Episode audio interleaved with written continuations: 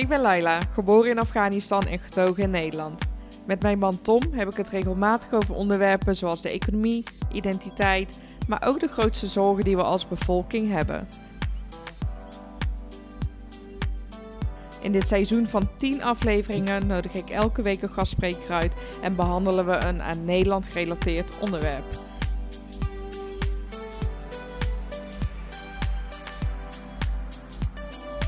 Welkom bij Nederkast, ga mee op reis en laten we Nederland samen ontdekken.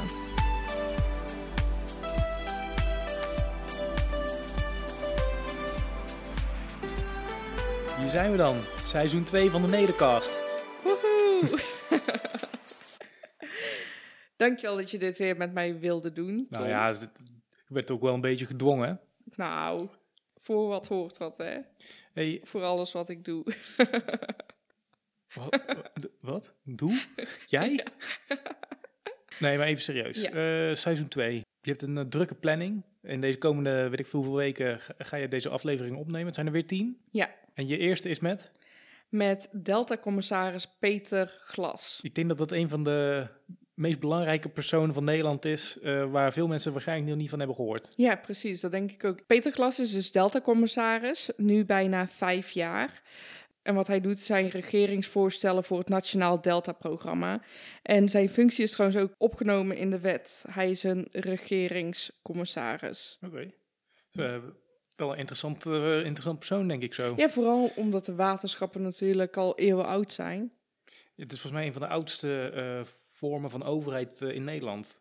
Het huidige belastingssysteem en eigenlijk alles vloeit daar ook uit voort, toch? Ja, dat, volgens mij wel. Volgens mij waren het groepen met boeren of gemeentes die, eh, of, eh, ja, die geld bij elkaar legden om uiteindelijk het waterbeheer te regelen. Ja, dat was natuurlijk ook wel nodig in Nederland. Ja, nog steeds. Ja, Het, precies. eh, je- ik denk dat dit onderwerp eh, en deze gastspreker heel erg interessant zijn.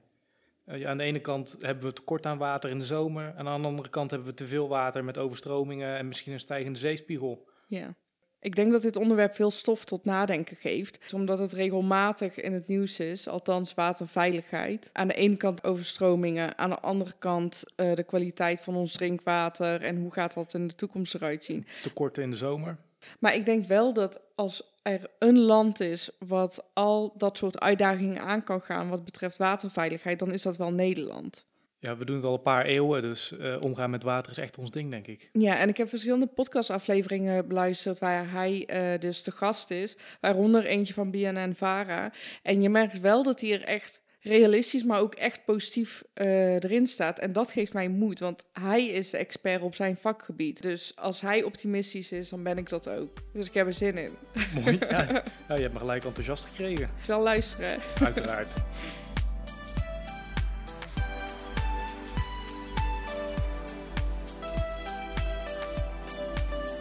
Peter, welkom. Ja, Laila, welkom bij mij op mijn kantoor hier eh, in Den Haag. Bedankt voor je tijd en dat je Ja. hieraan wilt deelnemen. Ja, met veel plezier gedaan. Fijn. Peter, laten we globaal beginnen. Kan je ons iets vertellen over de geschiedenis die wij hebben met eh, waterveiligheid? Ja, ja, eh, ja, hoe ver wil je teruggaan? Ik kan wel duizend jaar teruggaan natuurlijk, zolang als we eigenlijk weten, en dat is opgeschreven, heeft Nederland natuurlijk altijd te maken gehad met, eh, met het water. Ja. De zee, de rivieren, regen, maar ook droogte, ijs. Zeker in het verleden ook Ja. veel ijs. Eh, dus dat is de geschiedenis van Nederland. Het is een delta waar de rivieren samenkomen en de zee altijd vlakbij is. Ja. En de waterschappen, dat is echt wel, eh, dat zijn de grondleggers geweest van hoe Nederland er nu uitziet, toch? Ja, dat zou ik kunnen zeggen. Het waren Vlaamse eh, monniken die eh, in Vlaanderen, in West-Vlaanderen, begonnen eigenlijk het land te bewerken Ja. en eh, te draineren. Dus slootjes graven, zodat het land beter bewerkbaar werd. En van daaruit ontstonden polders met dijken. En later moesten daar ook pompen bij komen. Dat Ja. werden windmolens. En nou ja, de, de waterschappen die kregen uiteindelijk de taak Ja. eh, om dat allemaal te beheren in gezamenlijkheid. Solidariteit is de basis van het poldermodel. En, en waarom was het eh, zo belangrijk? Waarom is die waterveiligheid zo belangrijk in Nederland? Als we geen dijken zouden hebben en geen pompen, eh, dan zou, nou ja, ik geloof eh 26% om heel precies te zijn, van Nederland ligt onder de zeespiegel. Vroeger, duizend jaar geleden, boven Ja. de zeespiegel. Maar Ja. het is gezakt door dat greppeltjes graven en water afvoeren. Maar goed, 26% onder de zeespiegel en 34% langs de rivieren en de kustgebieden liggen misschien net boven de zeespiegel. Maar als we die dijken niet zouden hebben, zou het overstromen. Dus dat moet altijd doorgaan. Ja, en daarom zijn we er denk ik ook zo goed in, toch? Ja, ja uit noodzaak hebben we dat Ja. geleerd. En, eh, en het is eh, nogmaals een, dus een, eh, een vorm van solidariteit, een collectiviteit. En dat is de basis van die waterschappen. Maar ook Ja. Rijkswaterstaat, veel later kwam dat erbij. En zo doen we dat met z'n allen. En vooral als Delta-commissaris, wat trouwens een onafhankelijke regeringscommissaris is. Wat houdt dat nou precies in? We hadden in eh, nou, 1953, misschien komen we nog over te spreken, al een watersnood. En in de jaren 90 eh, hoogwater op de rivieren. In 93 en 95 de Maas en de Rijn. Mensen moesten evacueren, er waren overstromingen. En eh, in 98 ging het voor het eerst dat we eh, ons bewust waren keihard regen. En denken het water komt van alle kanten. Ja, En dat leidde ertoe dat er een staatscommissie in het leven is geroepen in 2007. En die kreeg de vraag, kunnen we hier eigenlijk wel blijven wonen? ja, Nou, als je er even bij stilstaat, is nogal een vraag. heftig. Ja. En eh, na een jaar zei die commissie, ja, we kunnen hier blijven wonen, mits we consequent eigenlijk vooruit gaan plannen. ja. Niet reageren op de watersnood van Ja. gisteren of de plensbui van eergisteren, maar vooruit. En dan ja, halverwege deze eeuw, 2050, maar ook het einde van de eeuw. En dat is een hele andere verandering van denken, een soort Ja. mindshift. Niet omkijken, maar ja, je moet blijven omkijken om te weten waar je vandaan komt, maar vooral ook vooruitkijken. Dus eh, het antwoord was, we kunnen hier blijven wonen, maar dan moeten we echt wel 20, 30 jaar vooruit kijken. Zeker, en daar hoort ook een, nou, daar hoort een wettelijke grondslag bij, om het Ja. maar eens even deftig te zeggen. Dus dat moet in de wet staan, dat we Ja. dat doen. Dat is gebeurd. Daar hoort een, ook financiering bij, een Delta Fonds, Ja. eh, wat niet eh, bij elke kabinetswisseling weer verandert, maar langjarig je in staat stelt om ook het werk uit te voeren. En is toen bedacht, er moet ook een regeringscommissaris komen die daar het overzicht over houdt. En onafhankelijk is, onafhankelijk naar het kabinet, maar ook naar waterschappen, provincies, gemeenten, de mede-overheden, zeggen we hier in Den Haag. Maar dat is best uniek toch? Want met andere klimaatsituaties hebben we dat niet. Dat dat zo is vastgesteld in een wet. Nee, regeringscommissaris niet. We hebben wel de klimaattafel, maar die gaat over hoe zorgen we ervoor dat Nederland zijn aandeel levert om eh, de temperatuur niet nog verder op te Ja. laten lopen, mondiaal. Ja. Dus dat is een klimaattafel waar ook eh, overheid, maar ook het bedrijfsleven aan tafel zit. En dat heeft een onafhankelijke voorzitter. Maar de regeringscommissaris is, eh, er zijn er nog een paar meer op andere gebieden. Maar dat is Ja. een vrij unieke instelling in ons openbaar bestuur. En heel belangrijk voor Nederland dus. Oh, je- Ja. dat, ja, ik Ja, dacht ja. dat je dat constateerde, want dan ben ik het er gewoon mee eens. Ja, Ja, ja, nee, natuurlijk. Dat is, en sinds 2010 hebben we dus eh, dat eh, instituut Delta-commissaris. Ja. Ik ben de tweede in die functie en eh, aan het einde van het jaar word ik opgevolgd. Ja, spannend. En hoe ziet het Delta-programma er dan uit? Kan je daar iets over vertellen? Ja, zeker. Dus toen dat ook door het parlement omarmd is, die adviezen van die commissie, is gezegd, nou, we moeten eigenlijk ons wel concentreren op een aantal aspecten. En Ja. dat is de waterveiligheid, de dijken en alles wat daarmee te maken heeft. Eh, de zoetwaterbeschikbaarheid. Ja. Nou, we hebben droge zomers gehad, hete droge zomers. Dus dan, maar toen werd al gezegd, nou, dat kon ook nog wel eens een punt van zorg worden. Hebben we wel genoeg water Ja. voor alles wat we hier willen in dit land? En de derde eh, tak van sport, om het zo maar uit te drukken, eh, is eh, eh, klimaatadaptatie, in, met name in het stedelijk Ja. gebied. Dus eh, waar we wonen, in je eigen woonwijk. Dus drie eh, hoofdonderwerpen. Ehm, een aantal onderwerpen valt er niet onder. Bijvoorbeeld het zuiveren van rioolwater. Ja, Dat wat de waterschappen doen. Of de rioleringen, wat de gemeenten doen. Dat Ja. valt er niet onder. Een natuur en eh, biodiversiteit. Ik ben bioloog van huis uit. Ja. Ik zou het er graag bij doen. Maar dat valt er niet onder. Dus de wet is vrij specifiek. Eh, die drie onderwerpen. Veilig, voldoende en klimaatadaptief. en hoe staan we er eigenlijk voor op die drie punten op dit moment? Nou, de delta, wat ik zei, al duizend jaar in ontwikkeling. En als het aan mij ligt, nog duizend jaar vooruit. Ja. Nou, zover kunnen we natuurlijk niet kijken. Maar het is altijd in ontwikkeling. Dus je kunt nooit zeggen, het is klaar. We zijn veilig. eh, gaat u maar rustig eh Maar slapen. lopen we daar dan eh, vooruit op de plannen of, of de doelstellingen die gesteld Ja. worden? Behalen we die steeds of, of hoe ziet dat er dan uit? Het is een continu proces Het is een continu proces waarbij we dus eh, nogmaals eh, vooral vooruitkijken van wat is er nog nodig. Ja. Maar je moet wel weten waar sta je vandaag. En als je dan kijkt naar de waterveiligheid, dan zeggen we alle dijken die we hebben, daar kun je eigenlijk op vertrouwen. Ja. Maar we weten nu al welke kilometers dijk tussen nu en 2050 waarschijnlijk ook weer versterkt moeten worden. Of eh, ruimte voor de rivier is ook zo'n Ja. mooi programma geweest. Maar soms moeten we de dijk ook een beetje verleggen. Om er meer water door de rivieren te kunnen laten gaan. Dus dat is permanent in ontwikkeling. Daar moeten we ook bovenop zitten. Dus ik zeg nogmaals, wij zijn de veiligste delta vergelijkbaar hè, met eh, grote nou ja, dichtheid van de bevolking, veel economische eh, eh, belangen. Nou, kijk, over de wereld, daar zijn wij denk ik het best, staan Ja. we er het beste bij. Maar het is nooit af. Dus er is altijd nog meer te investeren. En, en de ontwikkelingen die op ons afkomen, van de grilligheid van het weer. En dat is weer het resultaat van klimaatverandering. Ja. Dus klimaatverandering is de trend. En de grilligheid is wat we vandaag of volgende week meemaken. Ja, vandaag kan het schitterend weer zijn, 35 graden. En morgen is het ineens eh, veel kouder en valt er een plensbui met hagel. Je weet het eigenlijk Ja. niet. Alles wat we op het nieuws horen over het klimaat bijvoorbeeld. Hè? Denk je dat dat net genoeg is om bewustzijn te creëren? Of denk je dat, dat, ehm, dat het een stuk beter gaat dan dat, dan dat we meekrijgen? Nou, ik ben een optimistisch mens, maar ik ben niet zonder zorg. En ik ben met name niet zonder zorg over of we in staat zijn om eh, die toename van die mondiale temperatuur in de atmosfeer, maar ook in de oceanen, of we dat snel genoeg kunnen afremmen, laat staan tot stand brengen. Dus Ja. ik denk dat we nog een, het is een soort tanker die op stoom is gekomen Ja. en die stop je niet zomaar. Je laat hem ook niet zomaar een bocht maken. Nee.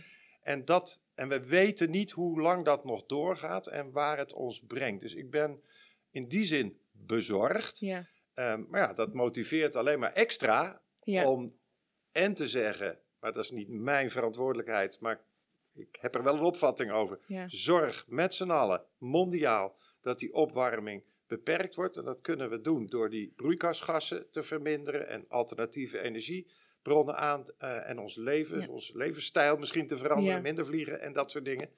Ehm, en tegelijkertijd heb je een verantwoordelijkheid om je aan te passen Ja. aan dat wat onvermijdelijk ook op ons afkomt. Maar dat zijn mondiale zorgen. Hè?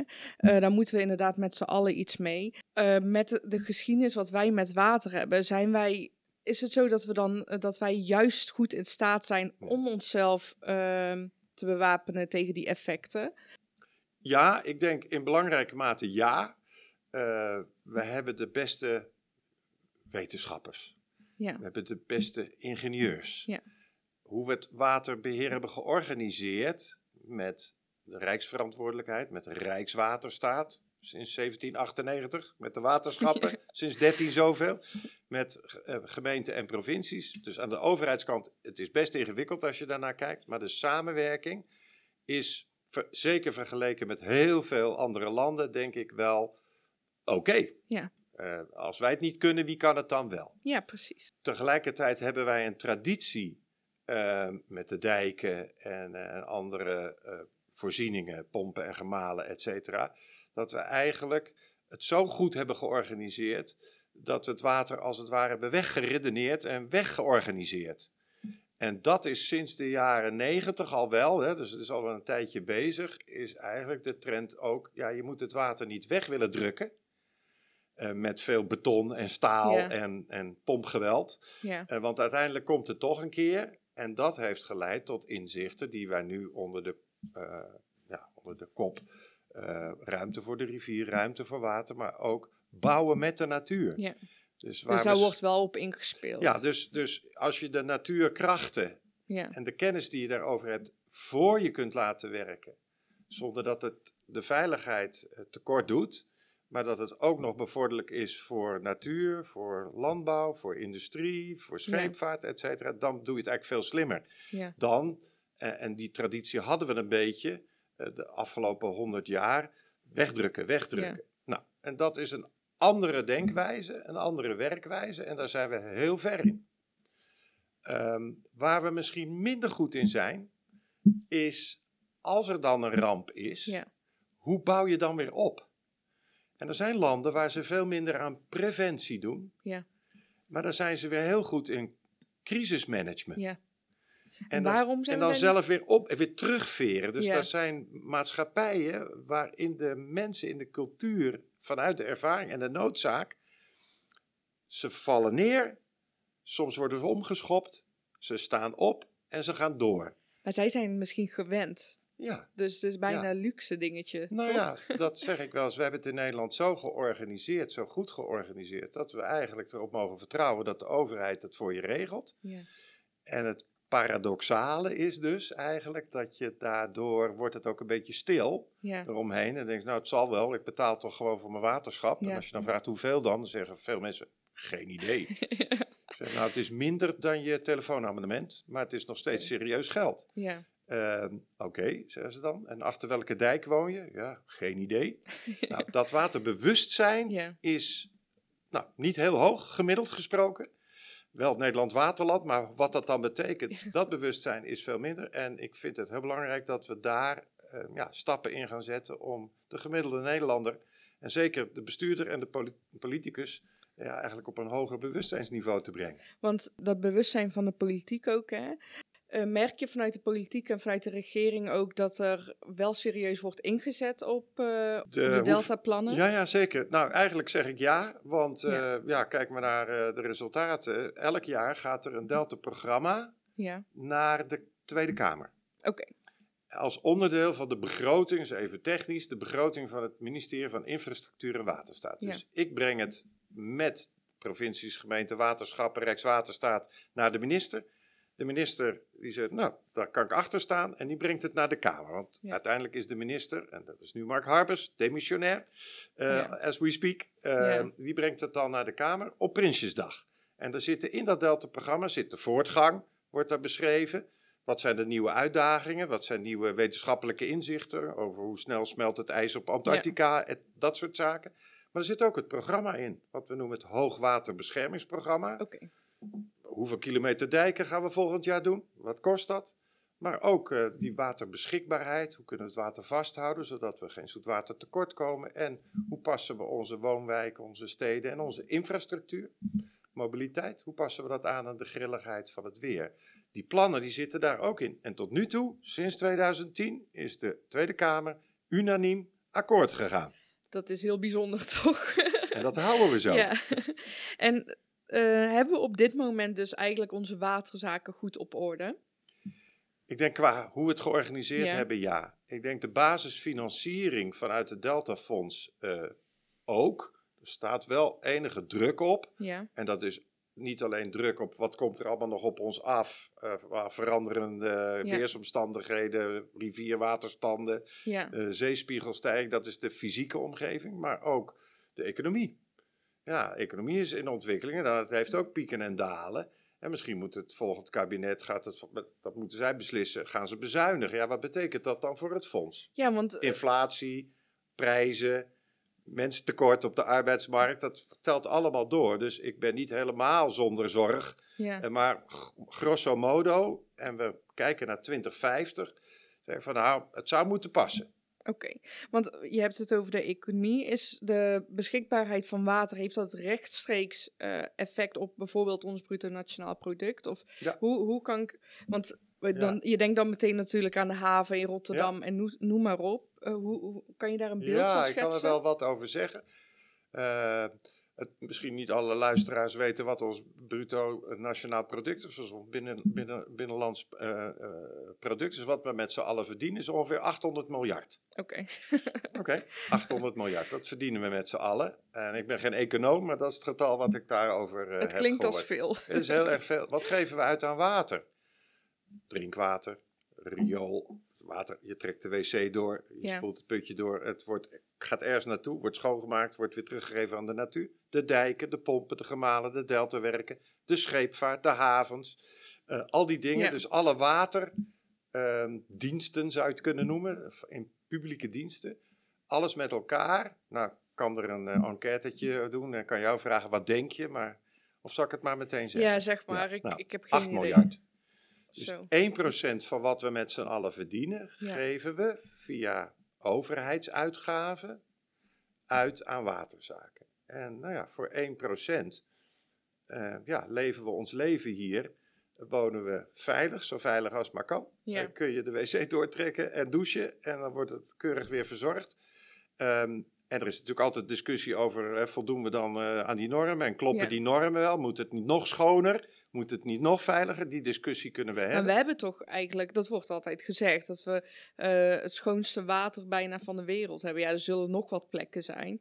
Maar in Nederland is het, daar staan ben ik we een streng. beetje op. Ja, daar ben ik streng. Dan zeggen wij hebben het schoonste drinkwater. Of we zitten in de categorie schoonste drinkwater. Maar ons oppervlaktewater, Ja, hè, en dat moet ook voldoen aan Europese normen. Van wat voor stofjes mag er allemaal voor, aan vervuiling in het oppervlaktewater zitten. Meer dan 90% voldoet niet aan de normen. oh wauw. Dus we maken het vervolgens heel efficiënt schoon. Ja. ja, eh, want het op- voordat het drinkwater oppervlaktewater, wordt. Ja. dat, dat vangen we op en dat, dat wordt drinkwater. Of waar gebruiken we dat nog meer voor? Het eh, water komt langs verschillende wegen in ons Ja. land, eh, eh, via de grote rivieren. En en, een aantal drinkwatermaatschappijen nemen het water uit de rivier. Wordt het soms eerst nog in de duinen geïnfiltreerd. Ja. Dan wordt het daar al voorgezuiverd. En dan zijn er waterfabrieken eh, die maken het echt tot topkwaliteit. Hè? Sommige- Ja. Op sommige aspecten nog beter dan wat je in een fles koopt. Dus daar dus moet je altijd op kunnen ver- vertrouwen. Regen is ook, regen valt op het land en zakt in de bodem. Dus in Brabant, waar jij en ik wonen, ja. daar wordt het water gewonnen uit diep grondwater. En Ja. dat is heel oud water, dus dat is schoon water. En we moeten voorkomen dat de vervuiling die onderweg is naar dat schone grondwater, Dat hij het dat, bereikt. dat die dat bereikt. Want er zijn ook hier en daar wat zorgen over het drinkwater wat we hebben, toch? Niet misschien nu, maar ehm, eh, de kom- eh, komende tientallen jaren. Dus Ja. dat er minder druk uit de, in Ja. de kraan zit en Ja. noem maar op. Zijn dat eh, legitieme zorgen? Daar ben ik altijd heel precies. Daar gaat de Delta-commissaris niet over. Maar hij weet er wel wat van. Dus ik Ja. kan er een beetje wat van zeggen. Er zit de kwantitatieve kant aan. Hebben Ja. we voldoende bronnen uit rivieren en uit grondwater? Nou, we hebben droge zomers gehad in het oosten van Nederland. Er zit eh, Vitens, is daar de drinkwatermaatschappij. Die hebben al nou ja, de stormbal gehesen, de alarmbel geluid. Eh, ja, wij, eh, wij kunnen nieuwe aanvragen van industrie voor drinkwateraansluiting kunnen wij niet honoreren. Want we hebben maar vergunning voor zoveel te winnen. Oké. Zoveel kubieke meter mogen ze per jaar op. En we zitten eigenlijk aan onze grens. En, eh, en in de toekomst verwachten we dat we nog 10% meer. Hè, we gaan een miljoen woningen bouwen. Ja. Voor allemaal jonge mensen die ook een huis willen. Ja, daar zitten allemaal kraantjes in. En eh, nou, als, dus- als we niet zuiniger met water omgaan, dan loopt dat alleen maar op. En dan, ja, dan wordt de druk letterlijk eh, op de voorraad. eh, ja, en dan wordt de druk in de kraan wordt minder. En dan hebben we de kwaliteitszorgen. Ja. Nou, daar ga ik al helemaal niet over. Eh. Maar die zijn er en die zijn verwoord. En dat vind ik ook reële vragen die door de sector naar voren worden gebracht. Maar omdat de mensen dus bij stilstaan, aan werken, ermee bezig zijn, bijna zoiets van eh, als inwoner van Nederland van oké, er zijn dus knappe koppen mee bezig. Ja. Ik maak me er dan automatisch al bijna geen Nee. zorgen meer Nee. over. Nee. Juist omdat wij zo gefocust Ja. zijn op water in Ja. Nederland. Ik vind dat je daar ook op moet kunnen blijven vertrouwen. Dus ja, die- precies, vertrouwen. Maar zorgeloosheid mag niet leiden tot, ehm, ja, dan zoek ik een woord, we zeggen ongeïnteresseerdheid. Ja, Eh, want uiteindelijk moeten we het wel, hè, want ik had het over 1% van ons bruto nationaal product, Ja. eh, 8 miljard euro is wel serieus geld. En Ja. dat moet opgebracht worden via de drinkwaterrekening die je krijgt, vaak samen met de rekening van het waterschap, eh, dat is een belasting. ja, En de algemene belasting die gaat weer naar een deltafonds waar we het over spraken. Ja. En, en dus het draagvlak onder de samenleving om dat te, te blijven betalen. Maar ook waterschappen zeggen, en terecht, ja, er komt steeds meer op ons af. Het wordt Ja. steeds ingewikkelder. We zijn met steeds meer mensen. Dus niet alles kan meer overal. En om te blijven doen wat we doen en die zorgeloosheid te kunnen blijven steunen, wordt het duurder. Ja, maar dan staan de krantenkoppen natuurlijk ook weer eh, Ja. op eh, grote lettertypen van ja, het wordt, alles wordt maar duurder. Maar waar valt eigenlijk het meeste te winnen? Is dat als wij individuen dus soort van social fix, eh, minder gaan douchen, minder, eh, dus wat strenger zijn op ons waterverbruik? Of is dat bij eh, bedrijven en dus grotere organisaties? Ja. Ehm, ik ken de getallen voor Brabant een beetje beter uit mijn hoofd vanuit de tijd dat ik nog watergraaf van de Dommel was. En dan weet ik dat er geloof ik op jaarbasis uit het grondwater iets van 300 miljoen kubieke meter. Nou, dat zijn hele grote getallen. Kun je niks bij voorstellen. Maar van die 300 miljoen kubieke meter weet ik nog dat 200 miljoen kubieke meter was voor drinkwaterproductie. En ehm, tussen de 20 en de 60 miljoen was voor de landbouw. Ja. Waarom zo'n grote spreiding? Ja, droge jaren, natte jaren. Ja. En eh, de rest was industrie. En de industrie was eigenlijk, en we hebben in Brabant, eh, maar elders in Nederland hebben we veel industrie. Ongeveer 16% komen we weer bij het bruto nationaal Ja. product. Ongeveer 16% van die 800 miljoen, Ja, eh, dat zijn bedrijven die rechtstreeks afhankelijk zijn van de beschikbaarheid van voldoende water van goede kwaliteit. Dus dat is productiewater om eh, frisdrank te maken of bier te brouwen. Maar het kan ook koelwater zijn voor de energieproductie. Het is eh, water in de rivier om schepen door te kunnen laten Ja. varen. Dus als, la- bij laag water wordt dat ook steeds moeilijker. hebben we ook meegemaakt. Dus, dus drinkwater, als het over grondwater eh, wat we oppompen eh, gaat, is, is nou ja, verreweg de grootste nou ja, gebruik. oké. En dat betekent dus dat als naarmate we daarmee zuiniger mee omgaan, dus Ja. inderdaad, ja, korte douche. Ik gebruik alleen maar de handdouche. Als ik Wat douche, ik zeg, nou dat betekent, ik pak de handdouche, Ja. ik zet hem aan Oh, zo, tot ja, ik ja. nat ben, Ja. dan zet ik de kraan uit, dan doen we shampoo Oh, eh, en dan eh, zet ik de kraan weer uit, eh, totdat, of aan totdat de zeep eraf is en dan ben ik klaar. Nou, ik heb het nooit gemeten, maar ik maak me sterk dat ik in drie minuten klaar ben. Weet je hoeveel gemiddeld per persoon we per jaar ongeveer verbruiken? Ik weet het wel per dag. Oké, Dat is 130, 120 à 130 liter per persoon per dag. En er is ergens een beleidsnota in Den Haag opgeschreven dat moet terug naar 100. zou dat veel verschil maken? Nou ja, ik denk dat dus als je dit soort kleine dingen doet. ehm, eh, nou, de wc misschien één keer minder door, eh, Ja. doortrekken als je weet dat je huisgenoot eh, meteen na je komt. Ja. Dat scheelt dan weer een paar liter. En korte douches scheelt ook. Eh, niet meteen de sproeier eh, eh, op de tuin zetten als het eventjes het gras even een beetje geler wordt. Al die kleine beetjes helpen. Ja. En ehm, nou, ik heb dat niet kwantitatief, maar de doelstelling, we gaan terug van 130 liter per persoon per dag naar 100. Ja. Dat is best een stevige opgave. Ik zeg er ook nog bij, iemand heeft ooit eens een keer uitgerekend, wat heb je per dag gewoon nodig om Ja. je eten te kunnen koken, om te drinken? 6 liter.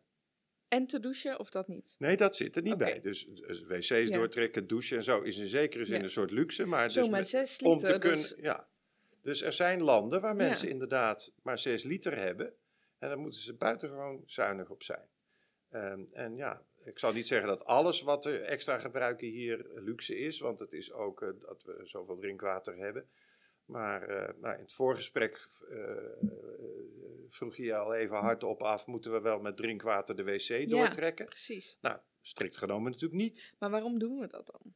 Ja, omdat het, ehm, ehm, omdat het de veiligste manier was om ook geen problemen te hebben tussen de, het pijpje water wat naar de kraan loopt en wat naar Oh. de wc loopt. Dat moet allemaal aangelegd worden. Ja.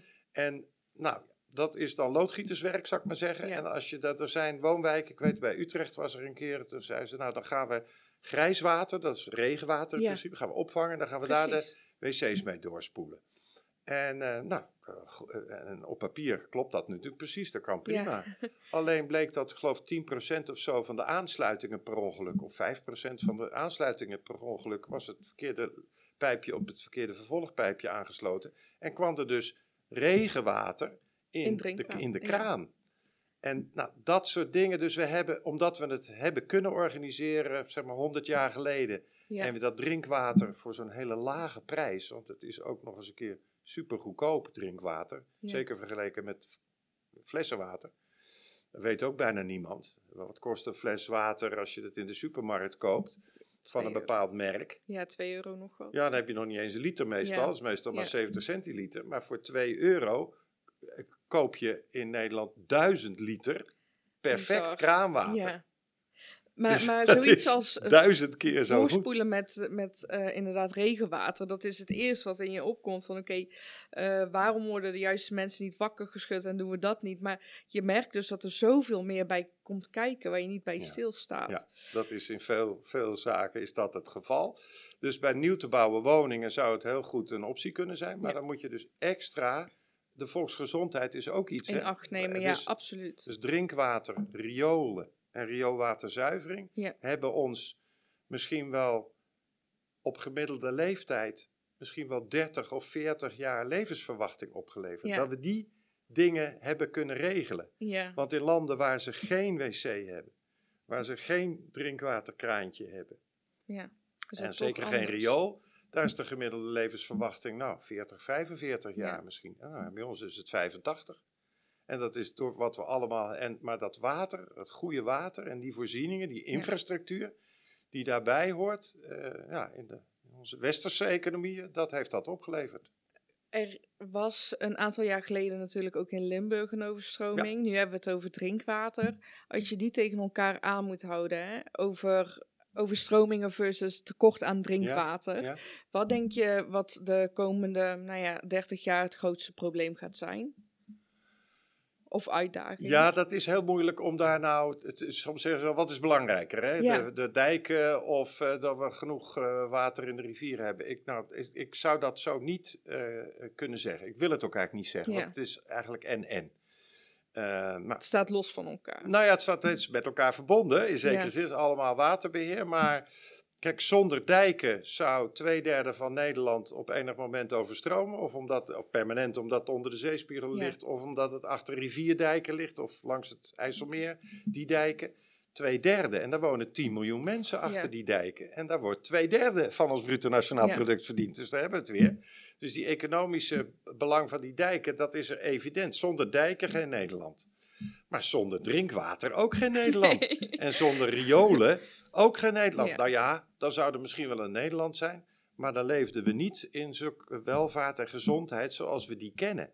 En iedereen denkt gezondheid komt uit een pillendoosje of gaan we naar de dokter. Nou, Nee. Het begint met goed water Ja, precies. en eten Ja, en brood een en, en een dak boven je hoofd. Maar dat zijn de ja. basisvoorzieningen. En nou, de water, hoe we het georganiseerd hebben. eh, dus het, ja, je kunt nog het een, nog het ander missen. We hebben net al een paar keer gezegd hè, dat wij goed met water om kunnen gaan. Eh, er zijn wat zaken waar we op moeten letten. Eh, wat zullen de eerste merkbare eh, dingen zijn eh, als we kijken naar een watercrisis? Dus of Ja. dat nou overstromingen Ja. zijn of een Ja. tekort aan drinkwater. Wat zijn de eerste dingen die we gaan merken? Ja. Ik denk de grilligheid van het weer. Oké, dat dus. Dus er zijn een paar trends. Hè. De zeespiegel die stijgt. En dan is de vraag, is het 30 centimeter extra aan het einde van dit, eh, deze eeuw? Nou, dan is het allemaal onder controle. maar daar hebben het... wij als Nederland niet echt direct invloed op. Nee, nou, maar voor een deel, maar wel het Ja. antwoord daarop. Hè? Dus eh, Ja. hoe hoog bouwen we de dijken, Ja, hoeveel pompen, et cetera, et cetera. Maar dat is een trend. Die gaat dus langzaam, maar hij versnelt zich. En dat is wel zorgwekkend. Hij versnelt zich. Dan hebben we het grondwater, waar hebben we het helemaal nog niet over gehad. Maar Nee. onder het West-Nederland zit zout grondwater en dat drukt omhoog. Het land zakt ja. Nog steeds met een paar millimeter per Ja. jaar en, de, en het water komt omhoog. En Wat moment- betekent dat dan? dat betekent dat de landbouw zal veranderen in die gebieden waar je onvoldoende zoetwater hebt om die gemiddelde concentratie Ja. laag te houden. Dus, maar dat zijn trends. En bovenop die trends zien we grilligheid. En die grilligheid neemt ook nog eens toe. Dus we hebben dan ineens, nu in Centraal-Europa regent het weer keihard. Ja, In juli 2021 hadden we een nooit eerder meegemaakte complex wat maar rond bleef dra- draaien boven de Ardennen, de Eifel en het zuiden van eh, Limburg. 220, du- eh, 220 eh, eh, overlijdens. jeetje. 220, gelukkig niemand in Nederland, maar Nee. net over de grens wel. 220 mensen overleden. 40 miljard euro schade Ja, hebben de verzekeraars uitgerekend. bizar. Twee dagen regen, 40 miljard euro schade. In Nederland 400 miljoen. Dus eh, nou, in Nederland, in Valkenburg en in Meersen en Ja, ah, langs de Geul en de Gulp en, en de Roer. Allemaal heel spannend geweest. En dan zitten mensen nog steeds in de penarie, hier en daar. eh, omdat de verzekeraar eh, nog niet heeft kunnen uitbetalen. Ja. Of de nationale regeling. Eh, dat vind ik ontzettend spijtig voor die mensen. Ehm, maar, er is niemand omgekomen. maar er is niemand omgekomen. Ehm, eh, maar goed, ook, dat, ook daar moeten we echt wel beter kunnen gaan reageren. Dat vind ik ook echt. Ja. En, eh, en naast de mensen staan, maar het ontneemt mensen ook weer niet hun eigen verantwoordelijkheid. Dus Ja. denk ook zelf na hoe je je huis inricht.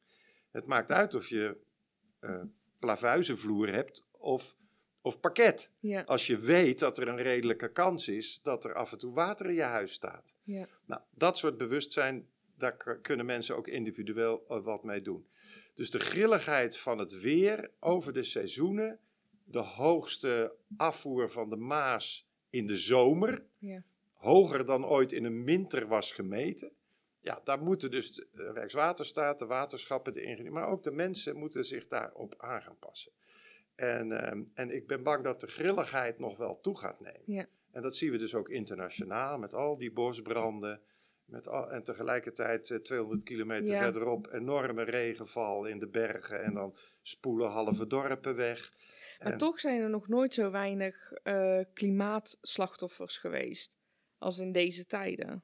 Wereldwijd bedoel je? Ja, wereldwijd. Ja, dat is ook een interessante statistiek inderdaad. Dat Ja. we op een of andere manier slagen we er toch in om ehm, nou ja, het, het aantal mensen wat dan toch om het leven komt, Ja. of eh, die van huis en haard verdreven worden, wordt mondiaal gemiddeld wordt het minder. Ja. Ehm, kijken we naar de economische schade en naar de lokale impact. Ja. In Bangladesh of in, nou ja, ergens in de, eh, in de Nijlmonding of eh, mocht het gebeuren ook in Nederland, dan is dat natuurlijk voor jaren is zo'n samenleving ontwricht. Ja, En dat zien we ook. Dus gemiddeld gesproken gaat het Ja. steeds beter, maar lokaal is de impact enorm. ja, En ons vermogen om daar weer, dan weer op te staan ja. en door te gaan. En dat ook financieel mogelijk te maken. Het zij door verzekeren Ja. of door een overheid of zelf handen uit de mouwen. Ja, dat moeten we eh, her en der nog eh, leren, denk ik.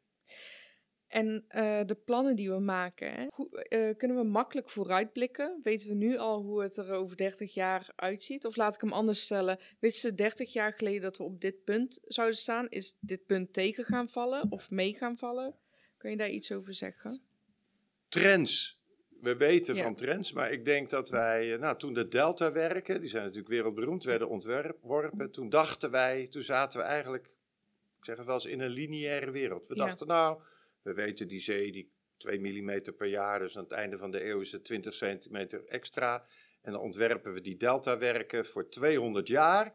En dan houden we rekening met 40 centimeter. En dan eh, zit Ja. iedereen veilig achter die dijken. Nou, daar zijn we van bijgekomen. Dus dat was het de idee van de jaren 60, 70, 80. Ja, En sinds de jaren 90, de jaren 0 en, en nu weten we eh, dat de wereld niet lineair is. Dus sommige ontwikkelingen gaan echt veel sneller dan we ooit hadden gedacht. En daarbovenop komt Ja. nog de grilligheid, de onvoorspelbaarheid. Ja. Dus als jij vraagt, weet jij hoe het er over 30 jaar uitziet? Dan zeg ik nee. Maar zeg ik geen idee? Nee, ik zeg niet geen idee. nee. Dus dat betekent dat je rekening moet houden, nou, scenario's moet maken. Van, nou ja, zeespiegelstijging kan 30 centimeter zijn. Het kan hoogstwaarschijnlijk ergens tussen de 80 en eh 1,20 meter, maar het kan ook al 2 meter zijn. En die onzekerheid moeten we terugvertalen naar, als het ware, nou ja, eh, hoe moeten we handelen in die omstandigheden? Ja. Wat voor consequenties heeft dat? Organisatorisch, hoeveel werk moet er dan worden gedaan? Wat gaat dat kosten? De deltawerk hebben we 40 jaar over gedaan. Ja, Eh, ruimte voor de rivier, het aanpassen naar de hoogwaters van de jaren 90, hebben we 20 jaar over gedaan. Maar als we nog grotere uitdagingen krijgen, dan kun je niet die tijd elke keer blijven halveren naar 10 jaar en dan Ja. 5 en dan naar 2,5. En dan denken dat je in steeds kortere tijd steeds meer werk kunt doen. Dus we hebben enige tijd nodig. ja, Dus we moeten verder vooruitkijken, maar de toekomst is altijd onzeker. ja. En als dat niet gebeurt, zijn er delen van Nederland die meer risico lopen? Nou, de lage delen lopen sowieso risico als het gaat om overstromingsrisico. Maar een regenbui of een complex van regen zoals eh, in Duitsland, Limburg, eh, België viel, daarvan zeggen de meteorologen, dat kan overal vallen. Ja, Dus ik weet dat de waterschappen deels al berekeningen hebben uitgevoerd. Stel dat, die, die kun je in de computer kun je die Ja. bui gewoon verplaatsen. ja. Laat hem eens boven Groningen vallen. Laat hem eens boven Amsterdam vallen. En dan? Wat Nou, dan hebben we polders. In Zuid-Holland, de provincie heeft eh, zelfs die eh, analyse laten maken. En daar kwam uit van, nou, als zulke hoeveelheden regen vallen, heb je eh, eh, onmiddellijk 1 miljard euro schade in Zuid-Holland. Oké, En eh, ja, de boel staat op zijn kop. Het is ontwricht, zal ik maar Ja. zeggen. Misschien dat er niemand overlijdt, maar ja, we zijn wel even voorlopig in de war natuurlijk Ja. daarvan. En er moet heel veel hersteld worden, dus een miljard in twee dagen. Het was 400 miljoen in Limburg, Ja. maar Zuid-Holland schat het dus in Zuid-Holland op, al op meer dan het dubbele. Dat zijn voorzichtige eerste analyses, maar het laat zien, die regen kan overal vallen. Ja. Maar Eh. ik denk ook wel dat wij daar veerkrachtig genoeg voor zijn, toch? Ik bedoel, het is een enorme financiële klap. Maar wat je zegt, overal zullen ze die schade oplopen. En dan kan je het beste nog in Nederland zitten, toch? Ik zeg ook altijd, eh, eh, als Nederland het niet kan, wie kan het dan wel? Wij zijn een ontwikkelde economie en samenleving. eh, eh, dus wij kunnen het ons ook financieel permitteren als de economie mag doorgaan zoals we Ja. gemiddeld doen, met pieken en dalen. Er is Ja. altijd wel wat aan de hand. Maar over de lange tijd, hè, we kijken naar 2050 en naar 2100 en zelfs voor, voor, voorbij, eh, zou je zeggen, van, nou, dan, dan kunnen we dat volhouden. Ja. Nog heel erg lang. Ik heb eigenlijk nog een laatste vraag. Je gaf al een tip eh, voor eh, het douchen en Ja. graswater geven. Heb je nog een tip misschien richting de bedrijven, de boeren? Of nog een laatste tip wat een aanzienlijk Ja. verschil zou kunnen Ja. maken?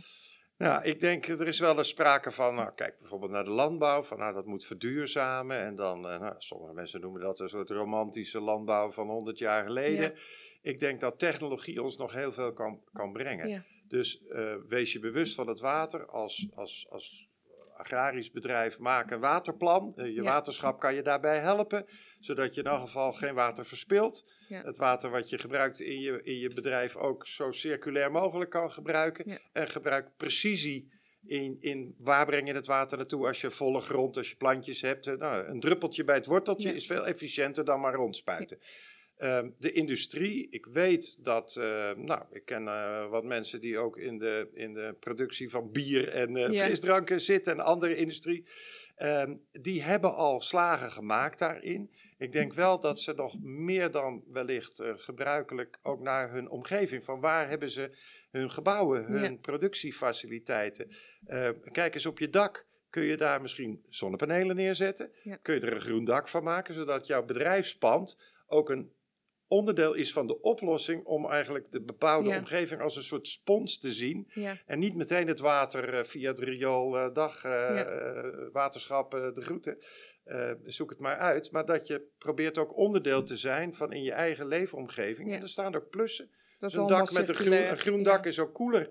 Dus voor je personeel in een hete zomer, als het straks 40 graden is, dat scheelt echt aanzienlijk in de werkomstandigheden. Dus bedrijven kunnen in hun eigen productieproces, maar ook in hun, in hun, hun omgeving, Ja. nog een hele positieve bijdrage leveren. Dan heb ik toch nog een subvraag. Want eh, als we dat doen, is er dan ook steun vanuit de overheid? Kunnen daar subsidies voor aangevraagd worden?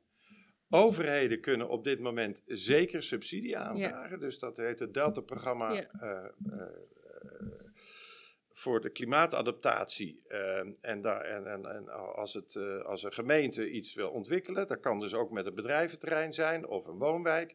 Dan is er eh, voor elke 2 euro die ze er zelf in stoppen, kunnen ze een euro subsidie in, eh, in, in Den Haag. Nou, voor veel wethouders is dat een aantrekkelijke bonus. Ja, vind ik ook. Dat geldt, hetzelfde geldt voor, voor zoetwater, het vasthouden. Dus waterschappen en provincies kunnen voor nou, hun inrichting, eh, maar ook voor de natuurontwikkeling, kunnen ze zeggen van nou een euro uit Den Haag en dan een paar euro van jezelf. Ja.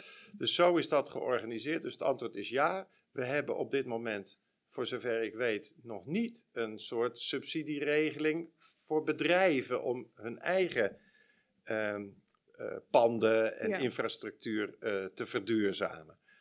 Nou, misschien is dat iets wat een volgend kabinet zou kunnen overwegen. Goeie tip. Eh, Peter, ik wil je onwijs bedanken voor je tijd en voor het interessante verhaal. Nou, heel erg graag gedaan. En eh, kom nog eens een keer terug over een paar jaar. doen, ja. En dan zit hier weer een volgende Delta-commissaris. En dan En kun dan je, vraag ik hem ook het hemd van het lijf. of haar, Of haar, sorry. alsjeblieft. Ja. Wie weet. Hem Goed of zo. haar. Helemaal goed. Dankjewel.